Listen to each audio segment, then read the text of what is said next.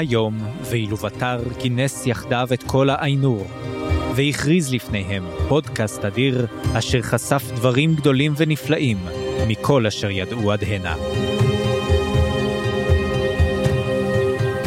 אתם מאזינים לסילמריליון קראתי עכשיו, הפודקאסט שבו אנו קוראים את הסילמריליון האגדי של טולקין, ולאחר מכן צופים בסדרה החדשה המבוססת עליו באמזון פריים.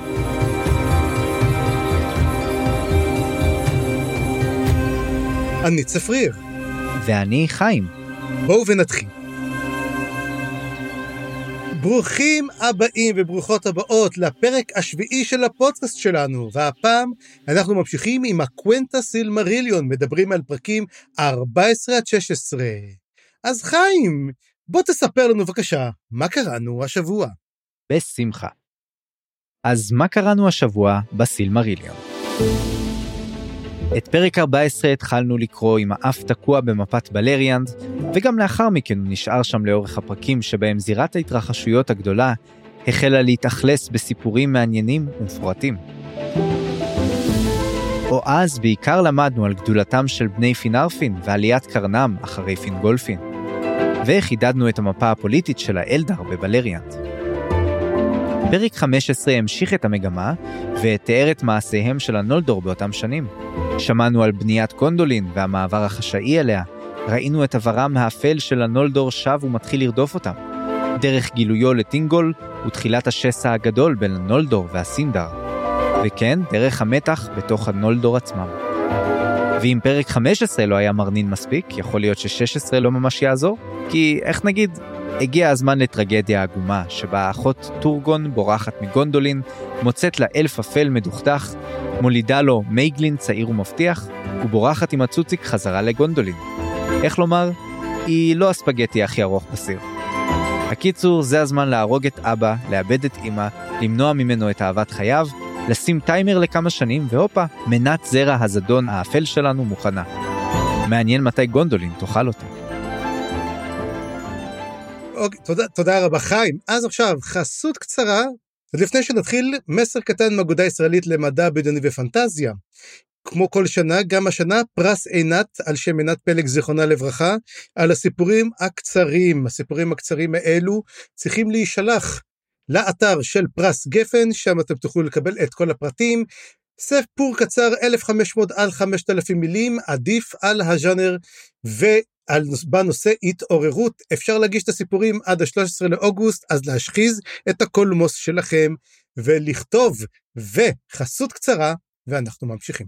התוכנית בחסות גונדולין ביטוחים. אולי לא נוכל להציל אתכם כשהרוע יבוא להשמיד את כל היקר לכם, אבל לפחות אתם תהיו האחרונים ליפול. גונדולין, כי למה למות היום כשאפשר לדחות זאת למחר? סתם, התוכנית לא תחת שום חסות, אבל היא כן בתמיכת המאזינות והמאזינים שלנו בפטריון, שעוזרים לנו לשפר את הפודקאסט, לפתח עוד רעיונות לעתיד. תודה רבה לכל המאזינים, המאזינות, התומכים והתומכות הנהדרים והנהדרות שלנו. כן, תודה רבה רבה, ובהצלחה לכל מי שמתכננים להשתתף השנה בתחרות, ואנחנו הולכים להתחיל. אז בוא נעבור לפרק 14, ונדבר על בלריאנד וממלכותיה. כן, אני רק חייב להגיד שהפעם, הפעם היה לי איכשהו יותר כיף לקרוא.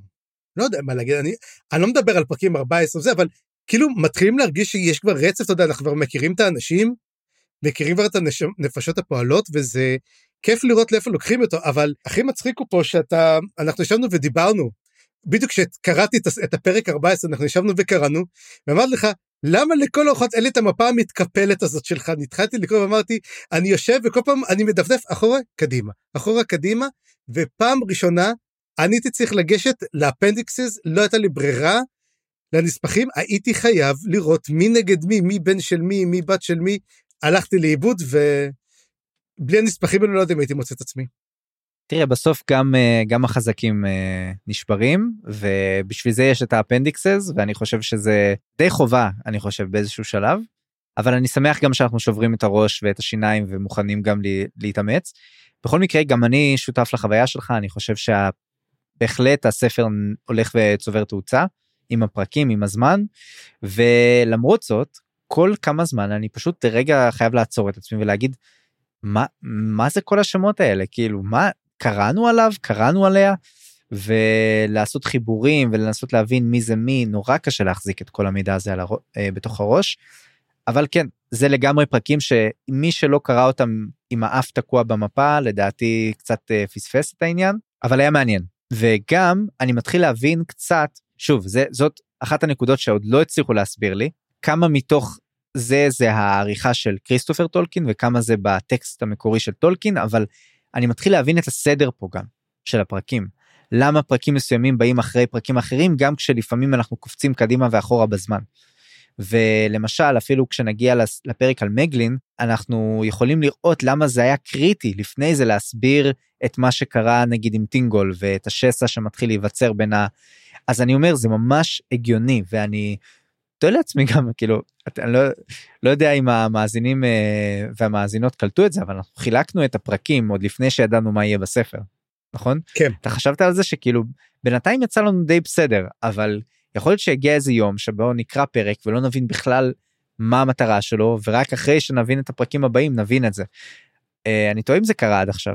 אה, תשמע אני חושב שאם החלוקה גם הייתה שונה היינו מצליחים איכשהו להבין מה הולך פה. כי כל פרק הוא אמור להיות self sufficient אתה יודע אתה יכול לקרוא אותו והוא סגור לגמרי ואתה יכול לקרוא אותו עם הבאים אתה יכול לקרוא אותו עם הקודמים כי למעשה אתה יודע אתה זה ספר עיון כזה אתה לא צריך. אני לא באמת בטוח שאתה אתה יודע אתה צריך לקרוא אותו אולי פעם אחת ראשונה ואז אתה חוזר רגע לפרק הזה קצת לקרוא על בלריאנד ועל הנולדור אחר כך אתה קורא בעצם על הקטעים שאתה רוצה יותר להתעמק בהם וזה נוגע אבל אתה לגמרי עלית על נקודה שאני חשבתי עליה והיא על העריכה, כי אני הסתכלתי ואמרתי קודם כל, שהפרק 14 אין לו כל זכות קיום ללא המפה הזאת. ולמעשה כל הספר הזה, אני לגמרי אמרתי, זה כריסטופר טולקין כתב את זה, והוא אמר, אוקיי, יש לנו פה את המערב, במערב יש לנו את היטלום בצפון, זה פינגולפין. עכשיו, פה למטה יש לך את נאברסט, זה שייך לפינרוד, ויש פה את הקצה, זה העץ, ואני אמרתי, אה, הנה נכון, באמת, לא שמתי לב שיש פה באמת איזה הר קטן, שם הוא היה, ואז הוא הולך פה, וזה המישור כאן, אם תלך פה, הסיריון נשפך מלמעלה עד למטה, ואתה מתחיל להבין בעצם את המהות של העולם, ואתה אומר, וואי, מגניב, בלריאנד, יופי, יופי, יופי, עד שאתה קולט שבשר הטבעות אין את בלריאנד. אז למעשה, אני מקבל פה מין שיעור גיאוגרפיה למתקדמים, אתה יודע, תוך כדי זה שיש גם כן את זה שיש את המפלים של הסיריון, ואז הוא נכנס מתחת לאדמה והוא יוצא, מ, אתה יודע, שלושה, שלוש פרסות מתחת לאדמה והוא יוצא החוצה שוב. ואז אמרתי לעצמי, אוקיי, אוקיי, זה הולך מפה, מפה, מפה, מפה. באמת אומר לך כזה מין נגד מי, כמו שיש לנו את כל השמות האלים ואת כל השמות של האלפים, עכשיו יש לך את השמות של הגיאוגרפיה. אז כן, זה קצת עשה סדר, קצת הסביר יותר, אוקיי, אני עכשיו מבין את המפה הזאת שיש לי מול הפרצוף. אבל הוא לא מוסיף משהו, זאת אומרת, אתה אומר, אוקיי, הבנתי עכשיו איפה כל דבר נמצא. שזה עושה קצת סדר במוח, כן. אבל מעבר לזה, בוא נגיד, מבחינה ספרותית, אני לא חושב שהיה פה ערך ספרותי כלשהו. לגמרי, זה בדיוק מזכיר לי את הפרקים uh, התנ"כיים שמדברים על חלוקת הנחלות למשל. וזה כל כך ספציפי וכל כך, uh, אתה יודע, תכליתי. אין פה באמת את העניין הסיפורי וכשאתה במיוחד שיש את המפה הזאת שהיא באמצע גם בתוך הספר נכון המפה ששם מתוארים השליטים השונים זה כבר בפרק הבא אבל עדיין זה כאילו כן. זה מאוד קשור. תגיד זה רק לך הזכיר את מפת ארץ ישראל עם השבטים שהיה בסוף בדיוק. כל תנ"ך? בדיוק לא לא רק לי אה, ולא רק לך כנראה שזה זאת המטרה באמת להראות את ההשפעה וזה יותר מזכיר כמו אטלס אה, נגיד אטלס היסטורי או אטלס תנ"כי mm-hmm. שבאמת מראה את הדברים האלה את השכבה הנוספת הזאת של המידע שזה לא רק גיאוגרפיה. ואני אוהב מאוד מפות זה חלק מה, מהדברים שהכי מושכים אותי בספרות פנטזיה. ו... כל חובב פנטזיה אוהב מפות אני חושב שכל חובב פנטזיה זה קרטוגרף שלא יצא עדיין מהארון. כן יכול להיות. בקיצור זה ממש ממש נחמד במיוחד כמו שבפרקים של הרשימות למשל שקיבלנו מלא מלא שמות ולאט לאט התחלנו להכיר אותם יותר עכשיו המפה שהייתה בהתחלה סוג של פשוט מקבץ של שמות מוזרים ואולי כמה אה, אה אתה יודע סימונים פתאום מתחילה לקבל אה, את הסיפורים האלה שמאכלסים אותה וזה הופך אותה לממש ממש מעניינת mm-hmm. אז יאללה אפים במפות אנחנו נכנסים לפרק 14.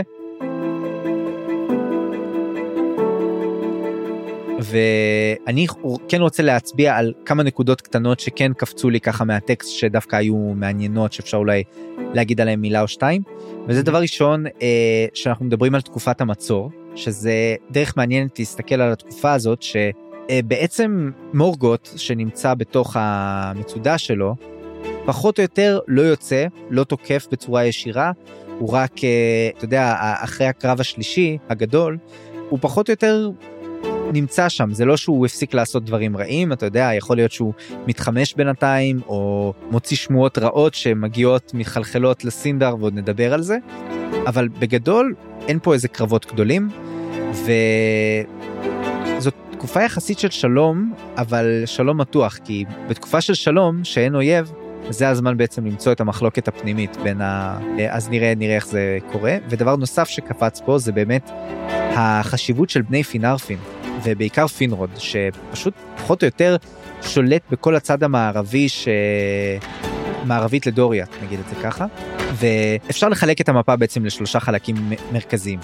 יש לנו את המערב בשליטת פינרוד או בני פינרפין וקלבריאן נכון איך קוראים לו הזה שלמטה? אה קירדן קירדן. קירדן בנמל. באמצע יש לנו את המלך את טינגול שהוא בעצם שולט על דוריאט אבל הוא יחסית חבוי ויחסית כזה מובלע בתוך הכל.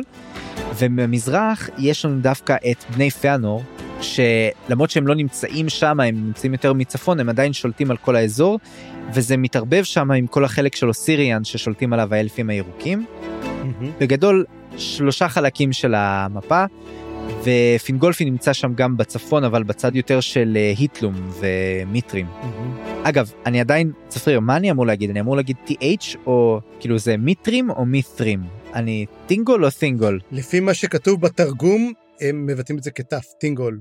אז זהו חיפשתי גם בגלוסרי שיש בסוף ובהסבר הגייה mm-hmm. אני לא בטוח שצריך לבטא את זה כתף. זה מוזר אולי זה שינוי שנעשה בלוטמיזציה של הטקסט אני לא יודע צריך לשאול את אני uh... לא יודע כי יש, כי יש לך למשל את מידרוס.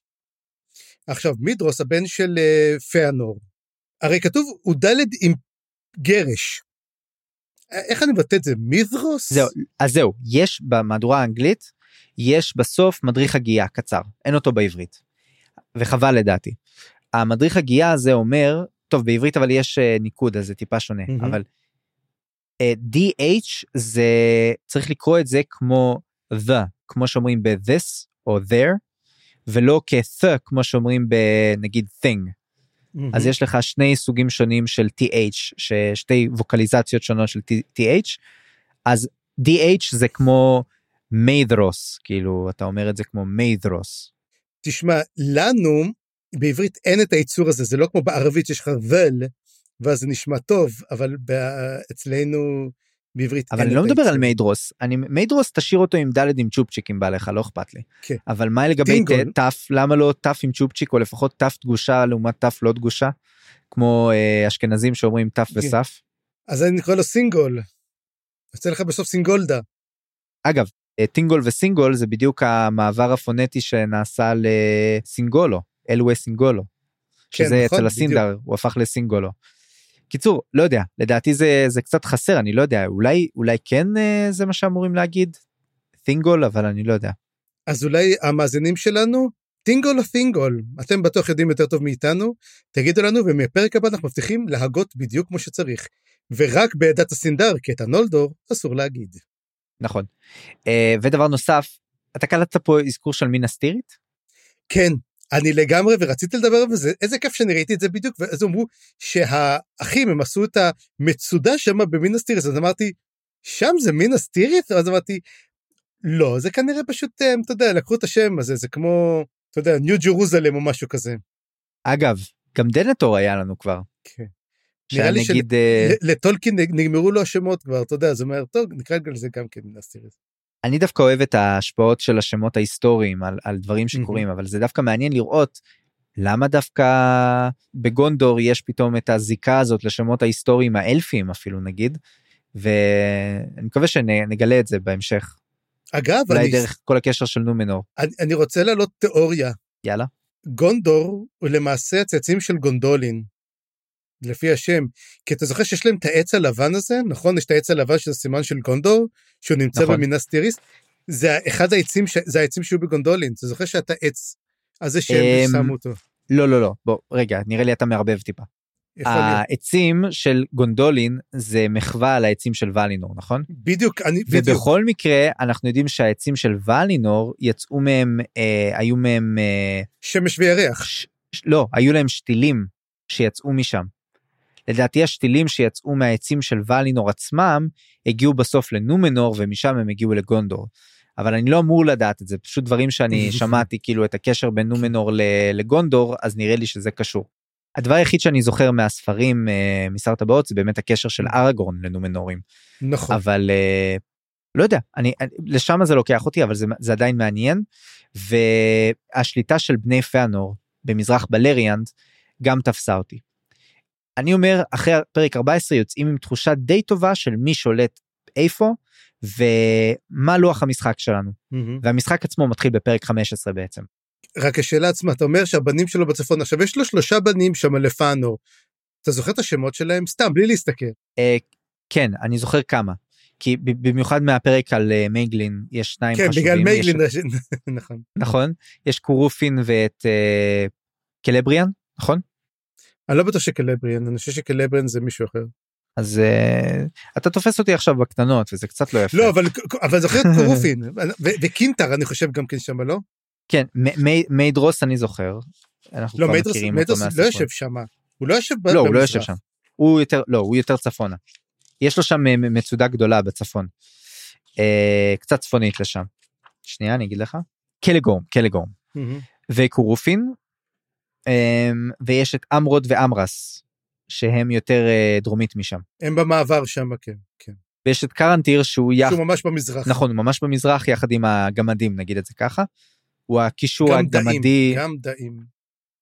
בסדר, גמדאים, גמדים, בסוף אתה יודע, נמוכים כאלה. חמודים. אני הכי אוהב אותם. כן. זהו, אז... אז יאללה, בוא אה, נעבור באמת לפרק 15. אמ, על הנולדור בבלריאנד. יאללה, אז אה, בוא בוא תגיד לי שצדקתי בתיאוריה שלי. צדקת בתיאוריה שלך. כן, אה, אה, באמת טורגון בונה את גונדולין בדיוק איפה שחשבתי שזה יהיה, למרות שבמפה המרכזית זה לא היה, ועכשיו היא כן מופיעה שם. וזה מעניין, לוקח לו 52 שנים לבנות את העיר הזאת, היפה בערים נגיד את זה ככה.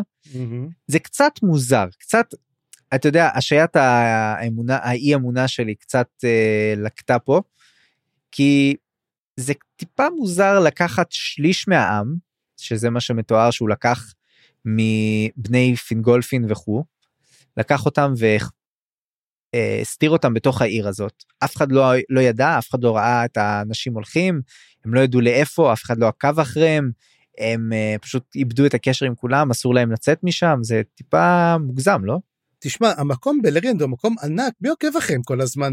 אתה יודע, פשוט יום אחד מישהו בא לבקר, דפק בדלת בנברסט ואמר, טורגון, מישהו בבית? ולא, אף אחד לא בבית. למרות שאומרים שטורגון חיכה עד הרגע האחרון שהוא יעזוב, הוא יראה כאילו עסקים כרגיל, וגם כן כשהם עברו, הם עשו את המעבר נורא נורא חשאי, אתה יודע, מתחת להרים, בצל, שלא יראו אותם.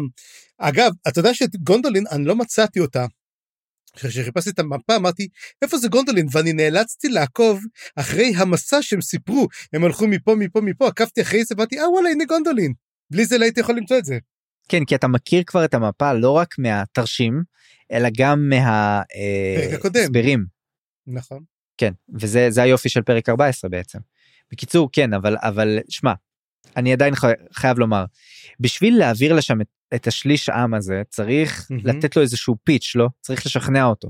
הרי הם לא סתם ככה יעברו, יעקרו מה, ממקומם ויגורו במקום לא מוכר. צריך הנה, אני אתן לשכנע. אני אתן לך את הפיץ' מעלית הכי טוב. שמע זה כמו טיריון על טונה. וואי, זה נשמע, נשמע טעים. אבל תגיד, אם נותנים לך את הפיץ' הזה, יש סיכוי שתגיד סבבה ויש סיכוי שתגיד לא, נכון? אז איך נתנו לכולם את הפיץ' בלי שהיו כאלה שאמרו וואלה לא מתאים לי. אתה יודע הרבה מדברים על הנאמנות של העם כלפי המלך ועל האהבה הגדולה ביותר ואתה יודע הם הולכים אחרי המלך והם הולכים אחריו צריך לזכור שגם אחרי פינרוד הלכו כולם גם כן למצודה הגדולה שלו. זאת אומרת, לא נעשה פה, אתה יודע, אומרים, אנחנו עוברים למקום, הולכים למקום. אתה יודע, זה מה שעושים. לא כל... אני, אתה יודע, אנחנו לא ראינו באמת מרידה במלכות, אני חושב שאנחנו הולכים לראות איזושהי מרידה במלכות בזמן הקרוב, ככל הנראה בעתיד, אבל עד כה, אם מנהיג אומר משהו, עושים. שים לב גם כן, שלמשל הם היו צריכים לעבור את הקרח השוחק, וכולם עברו אותו, אפילו שלא היה להם כבר את הסיבה. בטוח שלא כולם רצו גם כן, ועדיין עשו את זה.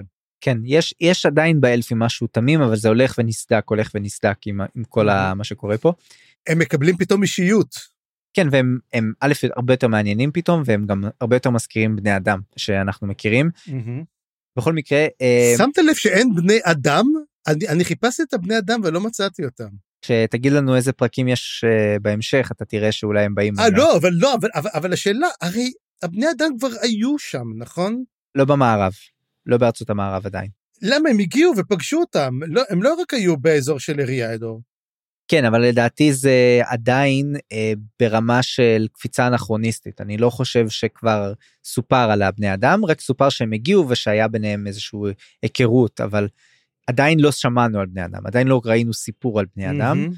אז יכול להיות שסיפור הגעתם ואת כל השאר אנחנו נשמע רק בהמשך, ביחד.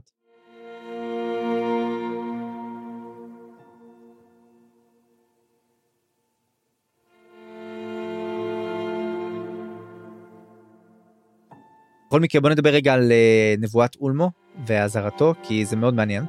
אז יש את גונדולין והם מתחבאים בה ובעצם גרים בה מאות שנים מסתבר ואולמו נותן איזושהי נבואה. ואגב אולמו הקשר שלו לשתי הנערות הגדולים שזה משהו שאתה יודע רואים אותו על המפה ולא מבינים את החשיבות שלו. יש את בעצם את הסיריון ואת הגליון וביניהם יש את הוא גם זה פחות או יותר חלוקה של מה שאמרתי המערב המרכז והמזרח. אז אולמו מאוד מחובר לשתי הנערות ולכן הוא מחובר גם לגונדולין כי הוא עובר שם ליד הסיריון והוא מדבר עם טורגון והוא מסביר לו שאומנם גונדולין תעמוד אחרונה מבין כל ארצות או, או בעצם ש, השליטה של האלפים בבלריאנד היא תישאר אחרונה שזה אתה יודע חדשות טובות אה, החדשות הרעות הם שגם היא תיפול בסוף אז כאילו לא נשמע מבטיח במיוחד ובכלל ספר אתה גם מרגיש שיש פה המון נבואות חורבן כאלה כל הזמן באוויר. אין ספר טוב במיוחד אנכי בלי נבואות חורבן זה לא קיים אבל הנבואה הזאת היא באמת של אולמו היא מאוד איך אומרים את זה זה כהמשך זה נספח לנבואת מנדוס. אתה יודע שאם אתם עוזבים ואתם הולכים לחיים לא טובים למרות שהכל טוב עדיין מחריבייך ממך יצאו וכל הדברים האלו. אמ, כן, אבל אולמו גם כן, אה, אומר, דרך אגב, אומרים שאוהב את סיריון יותר מאת, איך קוראים לזה, גליון? גליון, כן.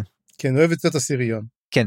מה שכן, דרך אגב, אם כבר צריכים להגיד רומח הדרקון, אחד האלים שם נקרא סיריון, על שם גם הנהר הזה. מדהים. אמ, אגב, הוא אל האש, אז זה קצת איזה מין טוויסט קטן למי ש... לא, גם סיריון נשמע כמו סאורון, אז אולי דווקא היה ספוף לסאורון והגיעו לסיריון ולא קראו מספיק את הסילמריליון, אני לא יודע.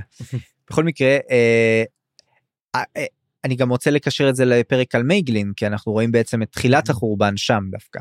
אז אה, זה לא סתם שאנחנו מתחילים בגונדולין ומסיימים במייגלין, אני חושב שזה מאוד מעניין בפרק הזה ספציפית. אוקיי, ודבר נוסף, היה שם אזכור להורין, השם הזה קופץ לי כי יש לנו את ילדי הורין שאני יודע שזה ספר נכון. לא יודע מה יש בו אבל אולי זה מספר את הסיפור על גונדולין אני לא יודע. יש את מפלת גונדולין אז לא צריכים אה. שני ספרים על אותו דבר. אז אולי על משהו אחר שקשור לזה. Mm-hmm. יש לנו בעצם את uh, צלמי העצים כמו שהזכרת בגונדולין וזה מאוד מזכיר לי את uh, ולינור של מטה בעצם גונדולין היא סוג של ה... הוולינור שלו בוולינור ואני הטיריון הטיריון זה הניסיון שלהם לחכות את טיריון. טיריון על טונה אבל גם את ולינור עצמה עם העצים וכל העניין הזה ואפשר לומר גם דרך הקשר לאולמו אולי כי אולמו עדיין מגיע ומדבר איתם זה לא סתם. אגב אתה חושב שאנחנו נראה בסדרה החדשה את אה, גונדולין בסדרת טלוויזיה אולי בפלשבקים אני לא חושב שזה בעידן הנכון אבל אם זה כן. קורה בעידן השני כנראה שזה יהיה רק בפלשבקים. טוב נחכה ונראה. זהו שמע זה היה מעניין על גונדולין ונעבור רגע למה שקורה בדוריאט. כי בדוריאט אז יש לנו סיפור על אה, בעצם את הסיפור על גלדריאל שהיא אחות של פינרוד ופה מתחילה בעצם הבעיה.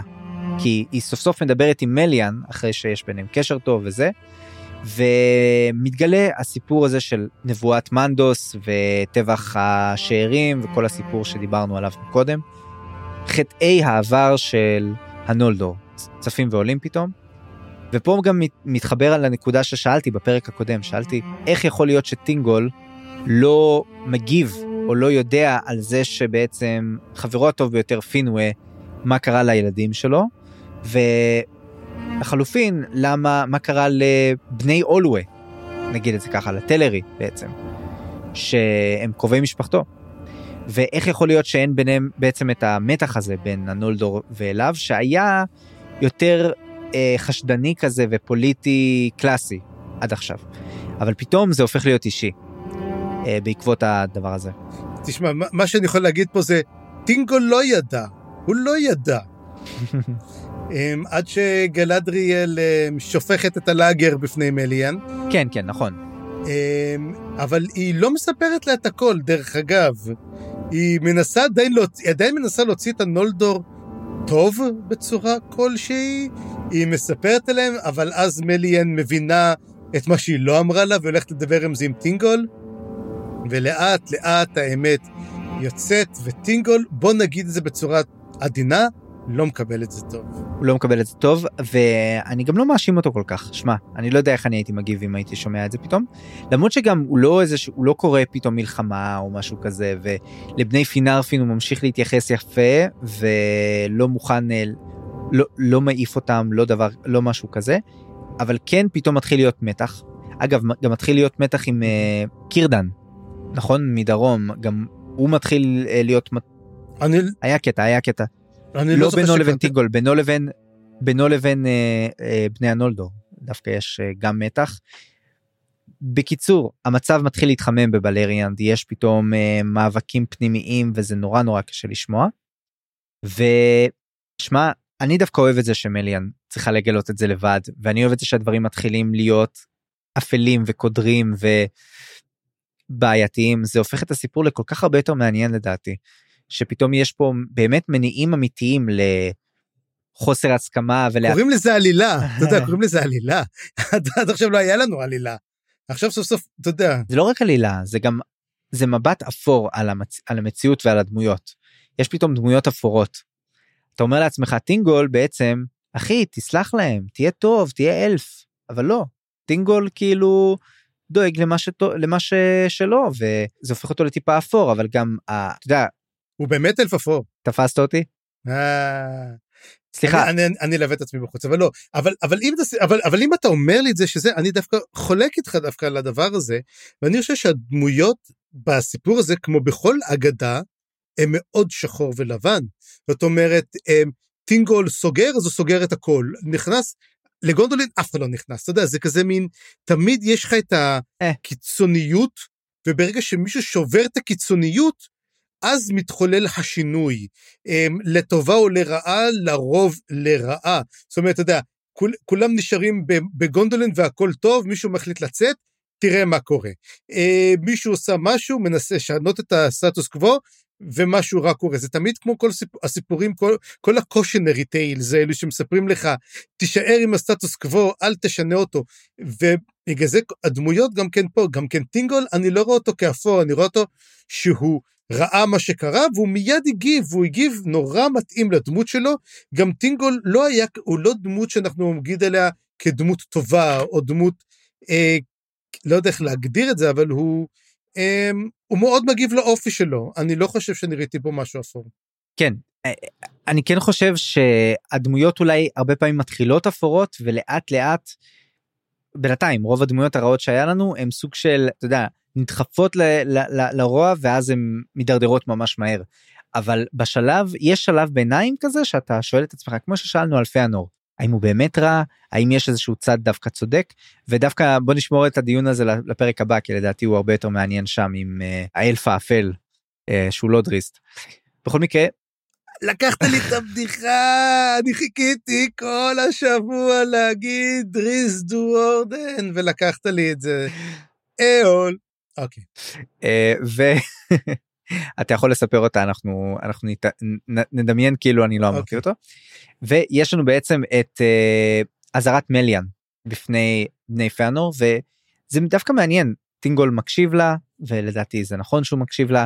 הם נורא זהירים, הם כזה כבדהו וחשדהו, אבל עכשיו הם יותר בצד של חשדהו. והם מבינים פתאום למה הנולדור הגיעו ומה הם רוצים ומה הביא אותם לפה ומה השבועה והסילמרילים וכל הדברים האלה פתאום צפים ועולים ושום דבר כבר לא יכול להיות כמו שהוא היה עד כה. ופה בדיוק נכנס כל הסיפור הזה של השמועות שמורגוט אה, התחיל ככה לשתול אצל הסינדר שלא היו כל כך חסינים כלפיו כמו שהנולדור למשל כבר היו כי הם לא הכירו אותו הם לא התמודדו עם הרוע שלו עד כה. וזהו אה, שמע הנבואה של פינרוד אה, גם הייתה פה מעניינת אתה זוכר את הקטע הזה? איזה שבוען, זוכר? הוא הגיע למשתה אצלהם והכל היה טוב, ואז מביא לו את הטינגול בהפוכה ואומר לו, ככה, עכשיו ככה, והוא קשה לפינרוד לקבל את זה, אתה יודע, תוך כדי שהוא אוכל את הפולקן נתקע לו בגרון, אבל אני לא זוכר שהייתה איזושהי נבואה שם. כן הרי הם נפגשים אחר כך יש איזשהו משתה נכון? בנרגות'רונד ונאספו בני פינרפין וגלדריאל בא מדוריאט בלה בלה בלה. ואז אה, אז לפינרוד יש פתאום סוג של נבואה שקשורה לדבר הזה והוא אומר גם אני עתיד לשאת שבועה ועליי להיות חופשי להגשימה ולצאת לאפלה. ובכל ממלכתי לא יוותר דבר אשר בני יוכל לרשתו. וזה קשור לעובדה שבעצם אשתו נפטרה בזמן המתה בזמן ההליכה בהלקרקסה. לא, של טורגון מתה. לא, של, של פינרוד. של טורגון, בגלל זה הם הייתה לו רק בת אחת. לא, והוא לא רצה להתחתן עוד פעם. לדעתי... לפי זיכרוני. לא, לא, אני, אני מדבר עכשיו על פינרוד. יכול להיות שגם לא זה קרה, אבל פינרוד יש פה. מה קורה פה? כל הנשים הלכו בקרח השוחק הזה. זה מסביר למה לטולקין אין כל כך uh, דמויות נשיות. למרות שבפרקים האלה יש. כולם מתו על הקרח. בפרקים האלה יש דווקא. כן. יותר מבשר הטבעות. רק אחרי מותו נוספו נשים. זהו, בכל מקרה, אה, זאת עוד אחת מהנבואות מהסגנון של אה, מנדוס ואולמו וכל הסיפור הזה שאנחנו שומעים עוד פעם ועוד פעם. ששמע, יש סיבה שבשר הטבעות בלריאן זה לא עניין, כאילו, נראה לי לא יהיה בלריאן עד שר הטבעות כבר. טוב, אז, אז, אז למה קראנו את הכל סתם? אתה קורא ואז הכל הושמד וגמרנו, טוב, נו. אתה יודע למה? בשביל שיהיה לנו פרסומות, אז יאללה, נצא להפסקת פרסומות, נקבל את הג'ובות שלנו ונעבור לחלק הבא. אז יישארו עמנו. יש לכם הודעה דחופה לחו"ל, אבל האורבים מדונלנד עסוקים אצל סארומן?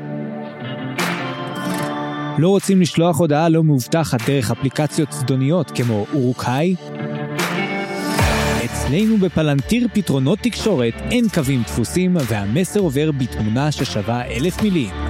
תקשורת רב-ערוצית מתקדמת, טכנולוגיית 5G עדכנית, והעברת מסרים ברורה ומיידית ללא שיבושים. לרוכשים עכשיו 7 יחידות פלנטיר, יחידה ראשית נוספת במתנה. מהרו, כבר שמנו עליכם עין. אוקיי, צפריר, קח אותנו לפרק 16. אז אז רגע, אני רק שם את השקי זהב בצד שקיבלנו מהפרסומת, תודה רבה לכם. אז על מייגלין ואתה דובר, דיברנו קודם כל אם מייגלין זה זכר או נקבה השבוע שעבר, וזה זכר. ואנחנו, ולוקח זמן עד שאנחנו פוגשים את מייגלין. זה הפרק לא קצר, אבל אתה יודע משהו? אולי הפרק הכי טוב שקראנו עד עכשיו. הוא היה הפרק הכי סיפורי. לא רק סיפורי, א' היה בו אקשן, דבר אחר, אנחנו פתאום מכירים את המקומות, מכירים את האנשים, מכירים קצת מה הולך, והוא היה מעניין לראות איך משלבים את כל הסיפור הזה ביחד. ואני מאוד מקווה שהסיפורים עכשיו יתחילו להיות ככה, אתה מבין? שבעצם, אני מקווה מאוד שזאת סנונית ראשונה עם, על דמויות מעניינות, על סיפורים מעניינים, שכל פעם, אתה יודע, זה יהיה נחמד שיש לנו גיבור, ואז אנחנו לומדים את ההיסטוריה דרך אותו גיבור. ומייגלין, כמה שאנחנו מדברים פה, הוא עוד יעשה לנו הרבה צרות לפי מה שמדובר, אבל בואו נתחיל בעצם להסביר מי הוא מייגלין, ומייגלין הוא הבן של um, ארזל ושל אהול, האלף האפל, והוא לא דריסדרורדן, אה, חיכיתי, חיכיתי להגיד את זה. וואו, צפריר, איך, איך חשבת על זה? האמת שרציתי לומר את זה, אבל לא... לקחת לי. כן. אגב, האלפים האפלים, בוא נגיד, של טולקין, הם יותר כמו אלפים אפלים של רומח הדרקון, שזה אלף שקצת פנה לצד האופל, אבל זה לא בדיוק, הוא קוראים לו אלף אפל, כי הוא פשוט לא רצה לראות את השמש. הוא פשוט הלך תחת הכוכבים ועד צמרות העצים, לא אוהב שמש. בסדר, בעיית אור כלשהי. אגב, זה מעניין כי כבר הזכרנו סוג של אלפים אפלים בעצם. כשמדברים על מורי קוונדי, כל האלפים שלא ראו את, את אור ולינור בעצם נקראים אלפים אפלים. אבל האלף האפל הזה הוא שונה מכל האלפים האפלים הרגילים. למשל בזיקה הוא אלף הוא אלף אפל יותר נכון הוא, הוא אלף אפל באישיות גם ובאופי שלו הוא נגיד הוא אלף אפל בין אלפים אפלים והוא דמות מעניינת מאוד אני מאוד מאוד uh, התחברתי אליה אני חושב שזה מעניין מאוד לראות את ההידרדרות שלו וכמה היא קשה במיוחד לאור העובדה שבעצם יש הרבה צידוק לדברים שהוא עושה. צידוק אחת הדמויות חסרות אה, איך אני אגיד את זה אחד הדבר אחד הכי נון רילייטבל okay, שיכול להיות רגע, עבורי אז... לפחות זה תבין אנחנו צריכים לזכור שזה בן אדם שכלה אישה במשך עשרות שנים התחתן איתה בניגוד לרצונה ועוד עשה עוד המון צרות. אז אני אגיד כמה דברים. קודם כל על זה שהוא כלה אותה זה באמת הצד הכי קריפי והברור שאני פה אני לא לזה התכוונתי אבל אני אגיד אני העניין הזה גם הגם שאחר כך מדובר על כמה שהיא דווקא לא היה לה כזה רע אבל אתה יודע זה כל כך קריפי אחרי הפתיחה הזאת שזה לא צידוק באמת. דווקא התכוונתי לזה שהוא מזוהה כטלרי ומשם הוא הגיע. אתה יודע הוא רואה מהסינדר שהם בניו של אלווה שהיו קשורים לאול, לאולווה שהגיעו לאלקואלונדה כל הדבר הזה כן? אז הוא רואה בנולדור כאויבים הוא רואה בהם בוגדים הוא רואה בהם טובחי שארים והוא באמת מתייחס לזה ככה ובהתחלה מה הוא עושה כבר הוא אוהב את הקטע שלו הוא פונה הוא פונה ליערות האפלים והוא מתחבר לגמדים ודווקא נראה שיש לו את היכולת להיות uh, בן ברית טוב. אני לא אומר שהוא הדמות הכי טובה בהחלט בהחלט שהוא פגום ו, ובעייתי וזה אבל שמע לא יודע הוא לא כזה טועה לפחות בשנאה שלו כלפי הנולדור. למה הוא פתאום אה, אמ, מתאהב בנולדורית שבורחת מהבית? לא יודע כאילו זה כבר פה אפשר לשאול עליו שאלה. אני לא יודע אם הוא מתאהב אני לא יכול להגיד כך מתאהב אבל בוא קצת נזכיר ככה בשלוש uh, מילים את הסיפור. ארזל היא אחותו של טורגון שהיא מבקשת uh, לצאת מגונדולין uh, אחרי כמה זמן נמאס לה והיא אומרת טוב בא לי אני יש לה וונדרלאסט היא רוצה לצאת החוצה ואיך היא היחידה? איך זה יכול להיות? תמיד אמרתי לך, תמיד זה אחד, זה כמו הילד הזה שרוצה לעשות משהו, או זה ששווה את הסטטוס, תמיד זה אחד. והוא לא מוכן לתת לה, היא אומרת לו זה, היא עושה לו בעיות, היא אומרת לו, אתה לא, איך זה, you don't own me, I don't see no ring on this finger, בקיצור, היא עושה לו המון המון צרות, עד שבסופו של דבר, הוא אומר לה, תצאי, אבל שלא יראו לעולם איך, איך, הדרך פנימה לגונדולין. והיא יוצאת והוא מביא איתה בעצם שלושה שומרי ראש אומרים היא רוצה לצאת טוב קחו את הצפונה לפינגולפין להיטלום תראה את המקום הנוראי הזה תרצה לחזור. והיא אומרת לא אני הולכת דרומה כאילו מה אני אלך צפונה אני הולכת דרומה רוצה לראות את הבנים של פיאנור. ואז היא רוכבת דרך האזור הזה את הנאן אה, דונגות'רב שזה מין אה, האזור איפה שכל העכבישים של אונגוליית יושבים בתכלס. כן. זה בין דוריית לבין כל האזור של זה, והם רוכבים שם ומגיעים כל העכבישים ועושים להם צרות והם בורחים, איך זה, בעור שיניהם בורחים שם ואומרים לו, חוזרים בחזרה לטורגון ואומרים לו מצטערים, ארזל מתה. והוא מתאבל, אבל מתברר שהיא ניצלה והיא צריכה לברוח, היא הייתה לא, הייתה בעצם, אומרים, כמו קצת מפאנורית כזאתי, היא מצליחה להגיע, מגיעה לאזור איפה שקורופין, ואומרים לה, איזה יופי, מגניב, אבל הוא נמצא כרגע בסיור של איזה כמה שנים, אתה יודע, הם לוקחים סיורים ברצינות, זה לא כמו בני אדם, אצלם שאתה חי לנצח, סיור של שלוש שנים זה כמו, אתה יודע, עשר דקות של סיבוב. הוא עשה. אז היא מחכה, בסוף אין לה כוח, אז היא הולכת דרומה, מגיעה ליער נן אלמוס, ופה מתחיל בעצם הסיפור הנוראי, כי היא הולכת ליער, בסדר? מטיילת ביער הזה, ואותו קריפ אהול שחי שם, אותו אלף אפל, כולא אותה שם, הוא לא נותן לה לצאת. ויתרה מכך, הוא גם מנווט את העצים כדי שהיא תגיע עמוק יותר למאורה שלו בתוך היער, ולא יודע, הוא מתחתן, אתה לא יודע איך הוא מתחתן איתה, הרי אין מישהו שיחתן אותם, אז הוא לוקח אותה לעצמו, ומביאים ילד, והילד הזה הוא מייגלין, שזה השם שהוא נותן לו, בין הדמדומים. אבל היה לו עוד שם שנתנה לו... לא, בין הדמדומים זה השם שהיא נותנת לו, יש לו שם אה, אחר, אבל אה, הוא נותן לו את מייגלין, שזה אחד העין, משהו כזה.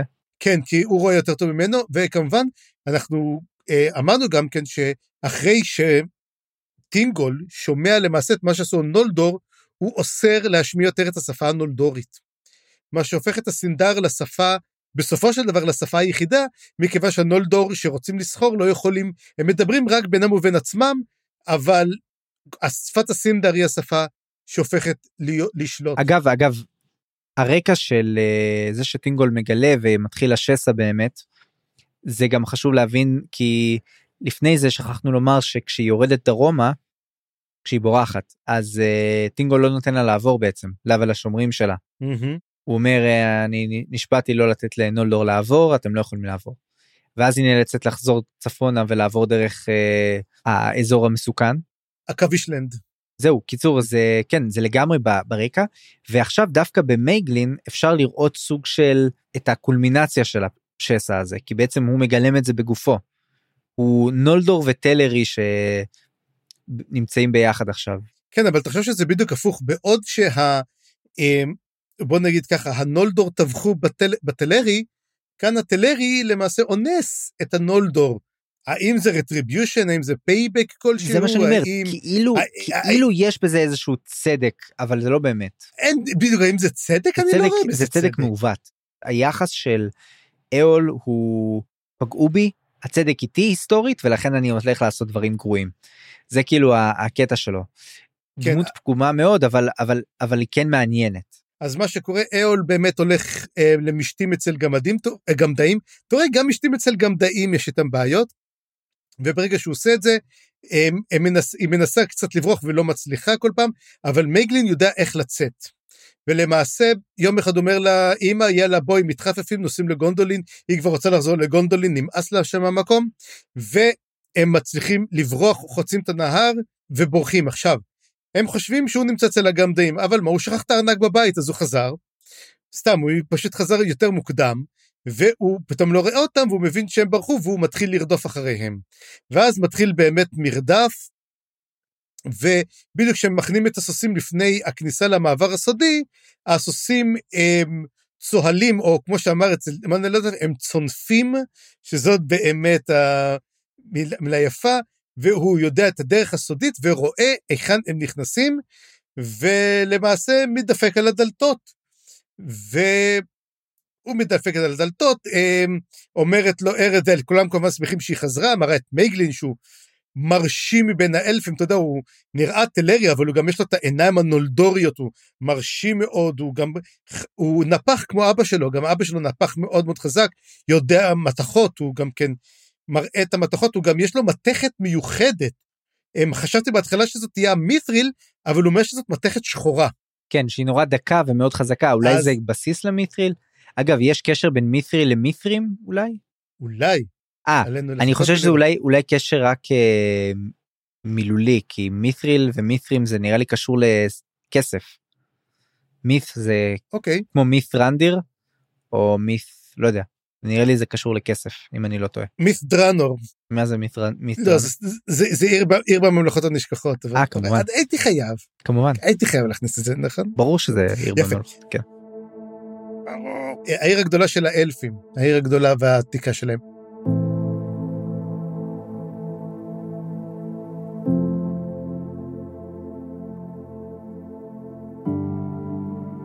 אז באמת הם מגיעים שם לגונדולין ומביאים את אותו אהול שמגיע, והוא מדבר איתם, אתה יודע, אבל אהול הוא טיפוס נאלח, אמ, מגעיל, והוא לוקח את החרב שלו ומחליט לדקור את מייגלין דווקא. והוא מחליט להרוג אותו, אומר, זה הבן שלי, זה הרכוש שלי, אתה יודע, אני אקח אותו אם אני רוצה, וארזל מחליטה אה, להציל אותו, ובעצם נעמדת לפניו, נדקרת בכתף, אבל החרב עם רעל והיא לא שורדת ולמעשה היא מתה. ואז אהול עושים לו דבר אחד, פשוט לוקחים את אהול אה, מהצוק הגדול ביותר ופשוט אה, משליכים אותו אל מותו.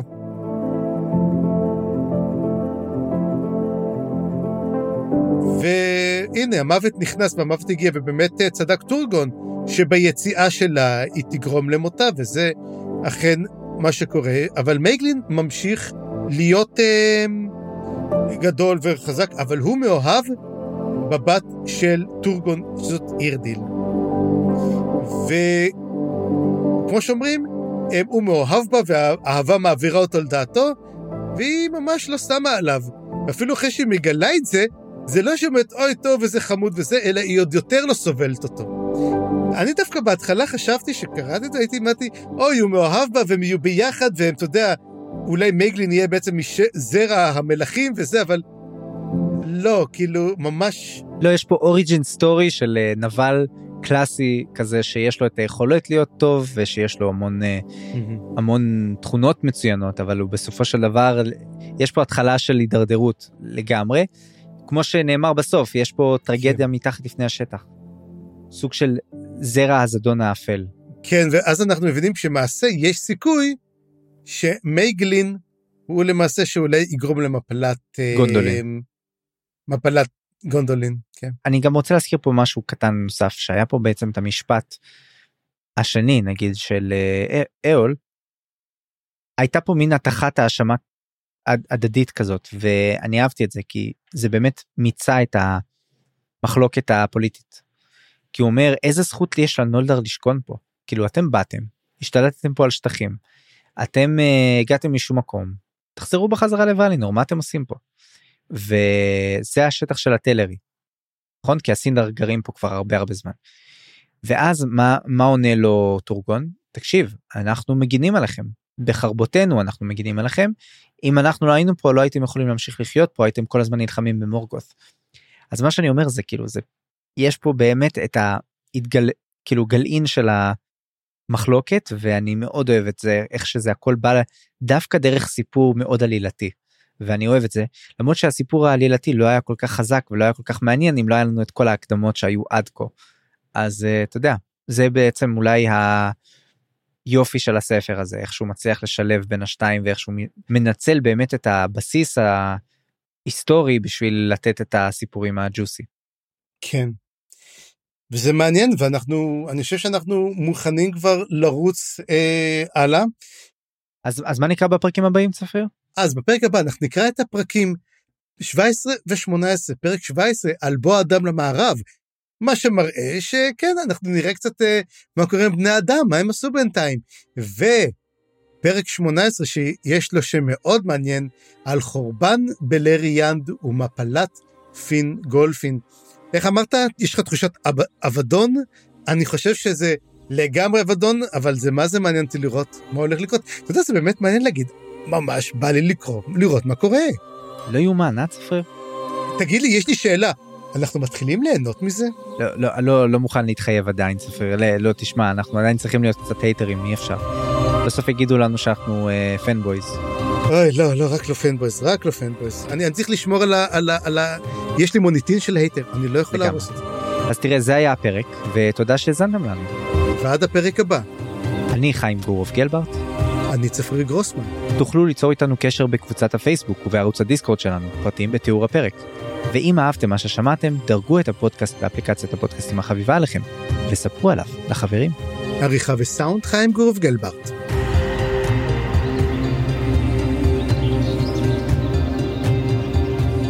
אז קם מלוותר, נשא את ידיו, ובתצליל יחיד, עמוק מני תהום, גבוה מני שחקים, חדלה המנגינה.